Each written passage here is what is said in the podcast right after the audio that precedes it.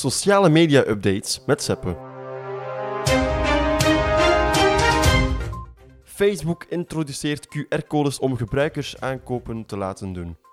Het Facebook van Mark Zuckerberg maakt het binnenkort mogelijk om QR-codes te versturen via Messenger. Met deze feature willen ze van Facebook Messenger een tool maken met meer opties dan enkel berichten verzenden en ontvangen. Deze QR-code zal je kunnen versturen om geld te ontvangen of te betalen. Dat zal kunnen zonder de app te verlaten.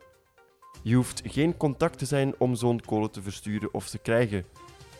Momenteel wordt deze update getest in de Verenigde Staten. Wanneer dat ook in Europa zal gebeuren, is nog niet bekend.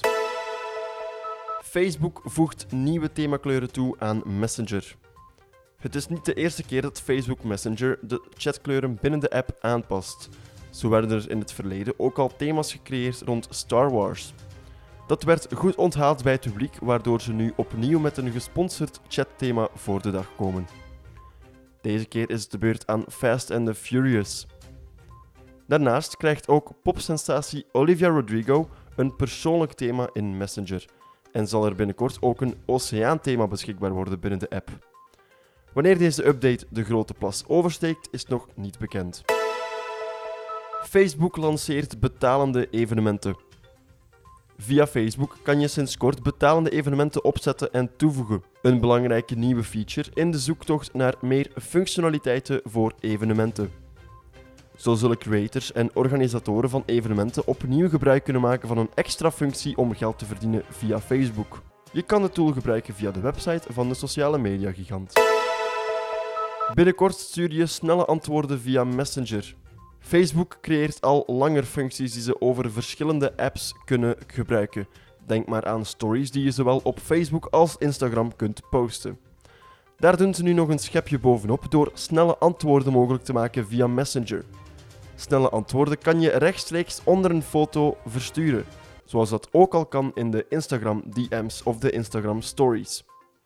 Voorlopig is de release datum van deze gerecycleerde tool nog onbekend.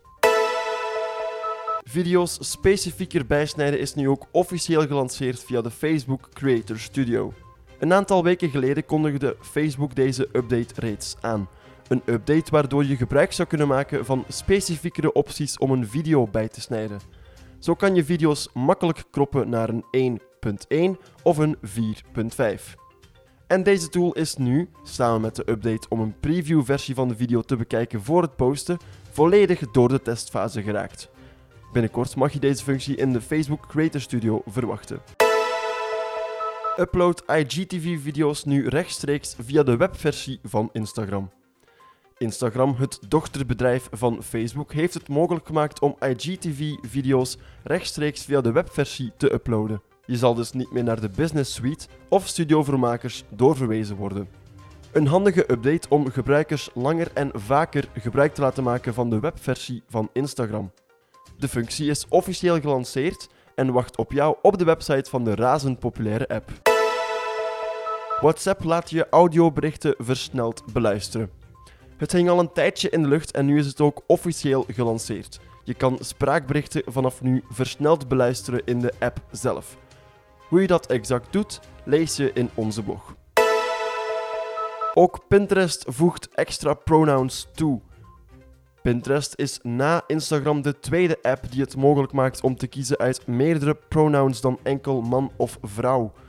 Een belangrijke update in de strijd naar juiste identificatie voor iedereen. Zo zal je binnenkort ook kunnen kiezen uit voornaamwoorden zoals die of hen. En zo zien we de verschillende sociale mediakanalen evolueren naar een plek waar iedereen kan zijn wie ze willen zijn.